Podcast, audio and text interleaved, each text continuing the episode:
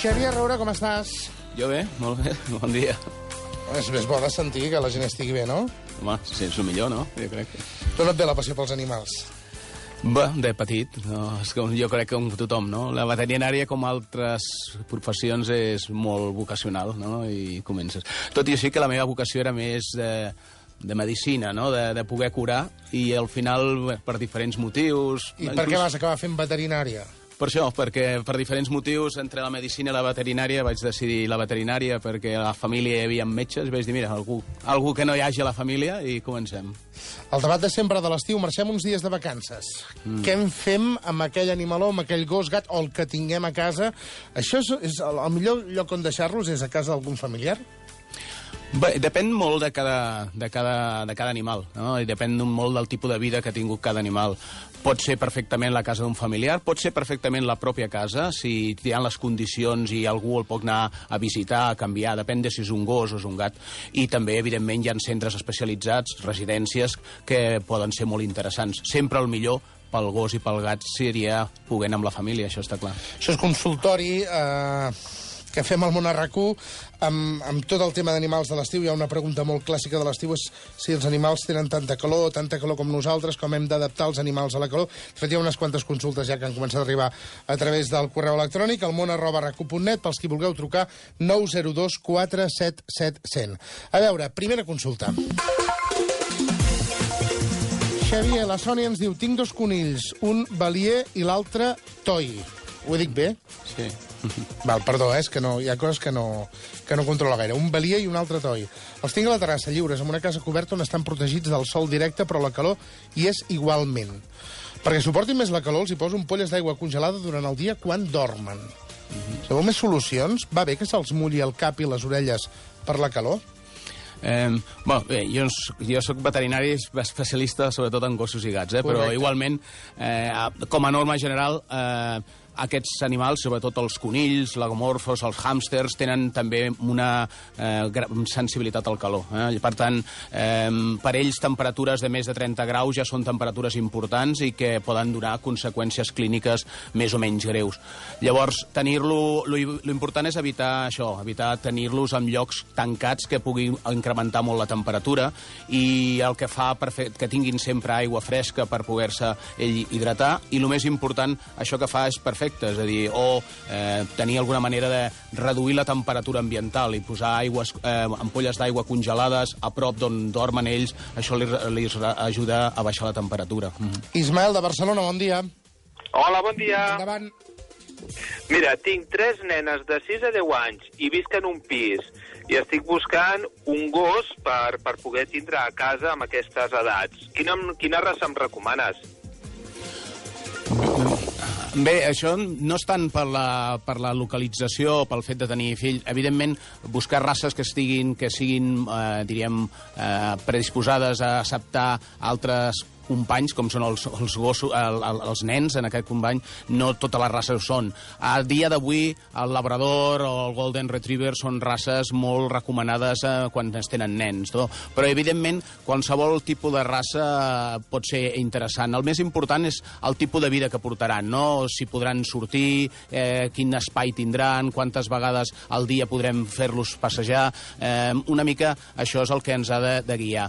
Però com a races eh, que és perfectament realment eh, la companyia amb els nens, eh, els, els Golden Retrievers i els Labradors són una bona raça. I el cas dels galgos? El galgos és una raça molt bona, és eh, molt carinyosa. El problema és que és un gos que necessita molta activitat eh, i, per tant, eh, depèn de la localització, és a dir, que en, per viure en un pis no sempre la, la millor, diríem, el millor lloc per, per aquest tipus de races. Necessiten molt d'exercici, etc. Ara, si tu li pots oferir aquest tipus d'exercici eh, freqüentment, eh, pot gastar energia, és un gos també perfectament eh, bo per, per, per la família. Moltes gràcies. A tu, Ismael, que vagi bé. I bon estiu.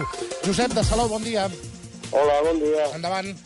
Mira, trucava perquè tinc una, un pastor alemà que té 11 anys eh, i li han sortit, que, a veure, cada, cada estiu la, la pelem i li han sortit com unes taques, com unes costres a la pell. Això de què pot ser degut?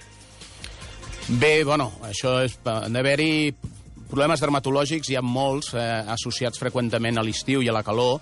Eh, Probablement, clar, depèn molt, eh, sense valorar-lo eh, directament és difícil, però poden ser dues coses, probablement. Una, eh, infeccions bacterianes associades moltes vegades a lo que s'anomenen eh, autoinduïdes, és a dir, per algun motiu, sobretot per la calor, o després d'haver-los pelat, moltes vegades tenen picor i ells es graten o es mosseguen en alguna d'aquestes zones Sí. i apareixen aquestes lesions, que són les lesions inflamatòries autoinduïdes. Eh, Llavors, el tractament és una bona neteja, eh, un tractament uns dies amb antiinflamatori i antibiòtic normalment responen bé.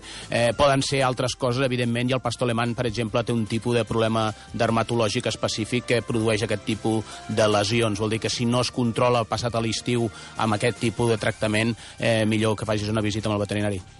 Vale, i una cosa, pelada no és dolent, no?, per, per la Com calor has dit, com has dit? Pelar-lo. Eh, eh, Ah, pelar-lo... En, no, principi, No... en principi no és estrictament necessari, eh? perquè els gossos canvien el, el pèl, no? el pelatge, el canvien amb les temporades i tenen un pelatge, de, diríem, de, de calor, d'estiu i un pelatge d'hivern. Tot i així, eh, generalment l'únic que passa quan els peles és que el pèl que surt després eh, és de diferent aspecte moltes vegades, pot canviar el color i això és normal si fas el si el tueles. Vale. Que vagi bé, Josep. Moltes gràcies, eh? Vinga, que vagi bé. Olga de Barcelona, bon dia. Hola, Olga. soc jo? Sí, ets tu, ets Olga. tu. Ets sí, l'Olga, no? Sí, sí.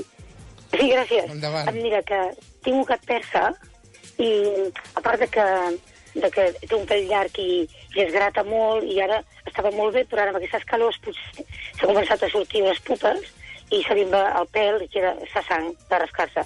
Però el més greu és que fa un parell de dies jo pensava que estava desorientat perquè havia- s'havia fet pipí fora del lloc i ara veig que s'ha quedat sec. Caram. I, bueno, i, i és clar, i no sé, i em preocupa molt, pobra bèstia, que l'he de portar al veterinari, però és això, que s'ha quedat, no sé si potser és un cop de calor de la terrassa, que no hi abans sortia a la terrassa i ara no hi ja fa una setmana. I a mi m'estranyava, però fa un parell de dies que veig que que, que, que, que m'he fixat que no hi veia i he posat la mà per davant i no, no, ja està sec, ahir em vaig donar compte.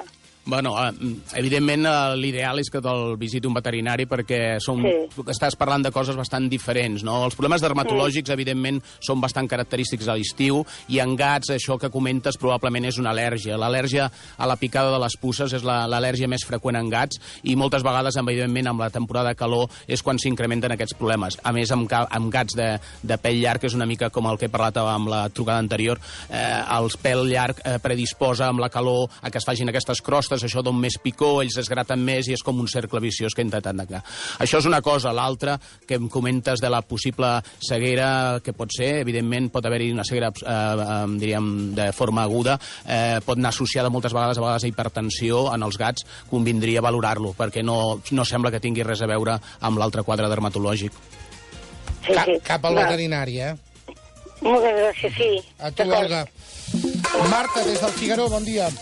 Hola, bon dia. Endavant. Mira, us volia fer una consulta. Tinc un labrador que té dos anys i dilluns anem a Andorra. Llavors m'ha dit el veterinari que li havia de fer el passaport. I, clar, li vaig tenir que fer, però, a més a més, eh, algú m'ha dit que les vacunes han de ser de 21 dies abans, perquè si no te'l poden retenir a la frontera. I volia saber si això és cert i si el passaport té alguna vigència, si em serveix per tot l'any o com funciona. Sí, mira, el passaport, eh, el passaport serveix per Europa i serveix pels països, en principi, de la comunitat europea. Um, en el passaport el que posa és que el gos està, o el gos o el gat està en condicions de, de que l'ha visitat un veterinari, que les condicions de salut són adequades i en general posa la, diríem, la historial de vacunacions i de desparasitacions, tant internes com externes. Això el que es fa és per intentar no traslladar malalties d'un país a un altre o quan vagis cap allà no en tornis malalties cap aquí. Evidentment a Andorra més o menys tenim el mateix i no hi ha molta variació, però sí que les vacunacions es recomana que portin com a mínim 21 dies bàsicament perquè facin acció, perquè una vacuna tu la poses, però evidentment necessita un temps per crear una activitat del sistema immunitari, per produir aquestes defenses, no?, que, que és el que busquem amb la vacunació. Llavors, si no tenim un temps mínim, eh, aquestes defenses no es produeixen. Per això es demana que com a mínim porti tres setmanes la, la vacuna. Des d'un punt de vista legal és el que et demanen. Eh, evidentment, poden, podrien eh, parar, eh, retendre l'animal si realment aquestes vacunes no estan posades en més de 21 dies, però no és el més freqüent. Però, en principi, la, la llei és el que marca és això. I, el, i el, aquest, uh, o sigui, aquest passaport que jo tinc em serveix tot l'any o... Sí, sí, el passaport serveix per tota la vida. El que és és de tota la vida de l'animal, el que s'ha d'anar, diguem, actualitzant anualment, perquè, evidentment, amb les vacunacions, les desparasitacions, hi ha algunes que són anuals, altres bianuals, depèn del lloc sí. on vagis, també el país on visites, hi ha en països que és obligatori la vacunació de la ràbia, altres que no, depèn una miqueta de tot això, és el que et marcarà el que s'ha de posar dintre del, del passaport, però el passaport en principi va associat a, a l'animal i mentre tingui vida eh, mentre serveix. estigui actualitzat no mentre hi ha estigui actualitzat no, no ha d'haver-hi cap problema. Eh, ara sol serveix per comunitat europea. Si vas als Estats Units o altres països, això no et servirà, necessitaràs de fer uns altres tràmits. D'acord, d'acord. Marta, bon viatge. Gràcies. Núria, des de Sant Pol de Mar, bon dia. Hola, bon dia. Endavant. Mira, jo volia mm, comentar, jo tinc un labrador, de, ara al novembre farà 8 anys, està força sa, l'única cosa, problema que té, el que passa que està controlat, eh, és epilèptic, i el veterinari pues, el tractament i va molt bé, des de que li donem el tractament ja no ha tingut cap més atac. Però jo volia preguntar, és negre, total, volia preguntar si el ser negre tenen més calor que un altre color de raça. Mm. Sí, a veure, els gossos, els gats i en general tots els animals toleren molt pitjor la calor que nosaltres i per tant els cops de calor són molt més importants amb ells que no amb nosaltres o molt més fàcils de que passin, no? Bàsicament perquè ells no suen i el no suar no poden eliminar aquest, aquesta temperatura, aquest calor i per tant la temperatura els va pujant. Tot hi ha una sèrie de condicions. Els animals brachiocefàlics, tipus boxer, bulldog, tots aquests animals amb el morro xafat, diríem, aquests ventilen molt pitjor i per tant tenen molt més risc. Evidentment, el color negre agafa molt més la calor que altres tipus de color i, per tant, eh, com els cotxes, eh, té molta més tendència a tenir eh, augment de temperatura. És a dir, que sí que tindrà més una tendència més alta a tenir calor eh, i a tenir el control de la temperatura serà més difícil, però no molt diferent a altres gossos, però sí una miqueta més. Has de tenir els mateixos controls que amb els altres animals. Sí, vull dir, se li ha de fer algun alguna cosa amb especial? Amb especial no, el mateix que amb la resta dels gossos. Ara amb calor, amb l'epilèpsia en principi no, no, no hi ha una relació. Evidentment, si tingués un cop de calor, però amb això són dos patologies diferents eh, mm. i el tractament que ja està controlat, eh, sí. s'ha de seguir el, el tractament i els controls que necessiti. Sí. De referent a la calor, no, el mateix que els altres gossos, intentar evitar les hores punta de calor, passejar més eh, curt, el curt, força aigua i evitar, sobretot, deixar-los en qualsevol moment a dintre de cotxes o galeries o llocs que pugui donar la calor tot el dia. Sí, sí, correcte. Núria, bon estiu. Moltes gràcies. Mireu, en referència a això, en Xavi Ferrer ens diu tinc un Sant Bernat de 95 quilos que passa molta calor durant el dia, el remullem 7 o 8 vegades amb abundant aigua i quan Uh, i quan arriba un riu o una bassa també remulla. Podria ser perjudicial pel seu pèl o la seva pell tanta aigua?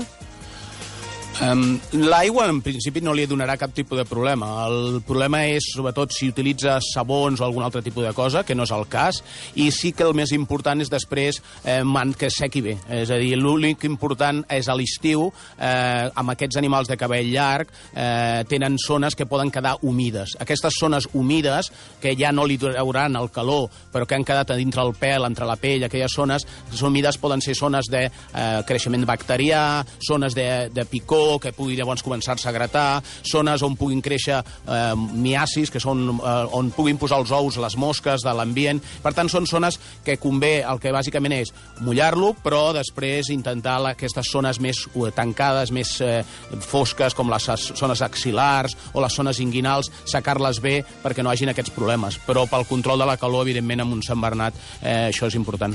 Ara tornem al telèfon, eh? però hi ha una consulta també per correu electrònic de l'Anna, que ens diu Tenim una gata de 7 mesos. Aviat marxarem una setmana de vacances i serà la primera vegada que la deixarem sola. Diu l'Anna, la veritat és que no tenim massa clar com fer-ho pel tema del menjar. Tenim una persona que ens podrà venir a casa per posar-li menjar, aigua, etc. Com s'ha de fer tot això, ens diu ella? Mm. Um, els gats, en principi, per sort, eh, toleren bastant bé el fet d'estar de, de, sols i de poder fer una vida, diríem, durant una temporada eh, aïllats. En aquest punt, evidentment, el que necessiten és aigua i menjar de forma, diríem, regular i tenir les condicions per no tenir ni molt de calor ni molt de fred i, per tant, poder estar, estar bé. Eh, dintre de casa, en principi, eh, si se li va cada dos, tres dies se li va canviant el menjar o se li va posant de menjar, que no es pugui quedar sense menjar, no ha de ser cap problema. També existeixen eh, el que serien menjadores eh, no automàtiques, però menjadores en la qual tu pots posar una quantitat suficient i ella, a mesura que va menjant, es va reemplenant aquesta menjadora i això també pot facilitar per si en algun moment hi ha algun tipus de problema eh, que, no pugui, que no poguessin anar o que pogués estar uns dies. Tot i així, el menjar no és el tant el problema, l'aigua és molt més important i això sí que seria interessant. O amb fonts d'aquestes, que també hi han, fonts automàtiques que et permeten tenir un flux constant, o si no, assegurar-se de que freqüentment li puguin portar. Com a molt, com a molt, cada dos, tres dies, tres dies, podria ser interessant que passés algú, ja no sol pel canvi de menjar i d'aigua, sinó perquè veuen algú i això, la interactuació amb ells, doncs els ajuda. Anem a Lleida. Com esteu a Lleida, Anna? Bon dia. Hola, bon dia. Uh, mira, jo tinc un llebrer i li haig de fer una neteja de boca. I volia saber si sempre és necessari dormir-los. Eh, per fer una neteja de boca, sí. En principi, malauradament, el que nosaltres ens fan, eh, ells sense estar anestesiats no es deixen perquè hem d'estar treballant a la boca, tenen diferents zones eh, que són difícils d'accedir i si l'animal, evidentment, nosaltres podem estar amb la boca oberta i podem aguantar més o menys, ells això no, evidentment, no saben el que li estem fent i, per tant, amb ells és un problema. Sempre s'ha de fer. Sí que és veritat que existeixen mètodes per intentar prevenir o reduir la- l'aparició de, de, diguem, del tàrtar, de, la, de, de, de tota aquesta tosca, eh, i això ho podem fer amb alguns tipus d'aliments o netejant nosaltres les, les dents amb, amb raspalls especials per gossos i pastes de dents especials per gossos per mantenir almenys un cop al dia o cada dos dies, és a dir, intentar reduir la presència. Ara, si ja està depositada i s'ha de fer una neteja, en aquests casos, la, la, per fer-la bé i per assegurar-nos que tot vagi funcionar bé, es necessita una anestèsia completa. Perfecte. Volia fer una precisió, que abans he sentit un senyor que trucava Sí. demanant a veure quina raça recomanava per, per estar amb nens i... Sí, ell deia que tenia tres fills. Sí, no, jo comento el dels galgos, que necessiten molta activitat. Fa quatre anys que en tinc un i realment no necessiten molta Mhm. activitat. Mhm. Són gossos més aviat tranquils, que necessiten sortir els seus dos, tres cops al dia, però sense molta necessitat de fer passejades llargues, ni... Són gossos més aviat tranquils, que no pas, que necessitin molt moviment. Bueno, depèn també molt d'on- venen, eh, els gals, depèn de d'on d'on sigui l'origen, però en general és una raça que en principi creada per, per activitat, eh? és un gos que li agrada Sí, l'activitat. són gossos eh? molt explosius, però no són gossos per Sí. fer llargues passejades. Ah, no, no, això no, però que són explosius, evidentment necessiten aquesta descàrrega d'energia. Jo crec que necessita molta més, ener- té molta més energia a un labrador o aquestes races que heu dit que no pas el llebrer. Mm. Mhm. Molt bé. Gràcies, Anna. Vale. De Lleida a Rubí amb una altra. Anna, bon dia. Hola, Anna. No tenim aquesta altra Anna punxada? No, val. Som a 3 minuts d'arribar a les 12, per tant, som a 3 minuts de- d'acabar el món a, a rac Amb l'arribada de l'estiu tenim la sensació, Xavier, que la gent abandona més els animals de companyia. Això a què és degut? Per què l'estiu?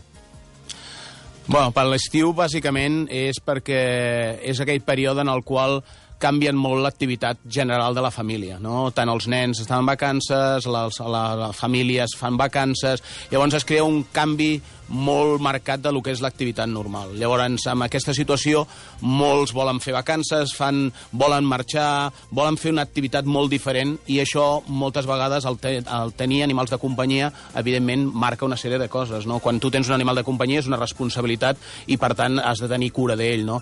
I això fa que, doncs clar, si vols estar tres dies fora i tens un gos, no pots estar aquest gos tres dies sol, no? Llavors, has de seleccionar molt bé el moment eh, de tenir un animal i saber, clar, que quan tens un animal tens una responsabilitat. Per què cada vegada s'abandona més? Mm, No és que cada vegada s'abandoni més, segueix més o menys. El problema és a més una mica al revés, cada, que no es redueix el número de... de bueno, falta sensibilitat. Eh, també és un país eh, on la sensibilitat animal ha costat, eh, està costant més d'entrar, necessitem més temps. En altres països aquesta sensibilitat, com a Anglaterra, la sensibilitat pels animals de companyia és molt més clara, molt més evident, i aquí doncs, encara, als països del sud, encara l'animal de companyia, bueno, és, eh, És més temporal, m'estàs dient. més que temporal és que la relació amb, amb un grup important de la població no arriba a ser pràcticament com si parléssim d'una persona, un, un animal més, diguem, un membre més de la família, sinó passa a tenir unes funcions. I segons aquestes funcions, evidentment, eh, poden ser que produeixin eh, aquestes re reaccions de la gent de no tenir-los importància en aquestes coses. I si trobem un animal abandonat? Si trobem un animal abandonat, el primer que s'ha d'intentar és poder anar a un veterinari o a algun centre d'aquests de recollida per valorar si porta si està identificat eh, amb el xip i si està identificat, doncs, per això es podrà retornar amb el propietari i si no, i si no estigués identificat, llavors el que l'únic que es pot fer és, si no se'l vol quedar la persona que se l'ha trobat, és buscar un centre d'acollida d'aquests gossos. Xavier Roura, digue'm un número, si us plau, de l'1 al 22, que són tots els oients que hem sentit o mails que hem llegit des de les 11. Fogons primer i animals després. El 6. El 6, el 6, el número 6 és un noi que es diu Albert, que ha entrat abans amb els fogons, eh? L'enviem a les nits màgiques de la casa Batlló. Visita completa amb copa de cava i l'accés al terrat del drac. Xavi, bon estiu. Igualment.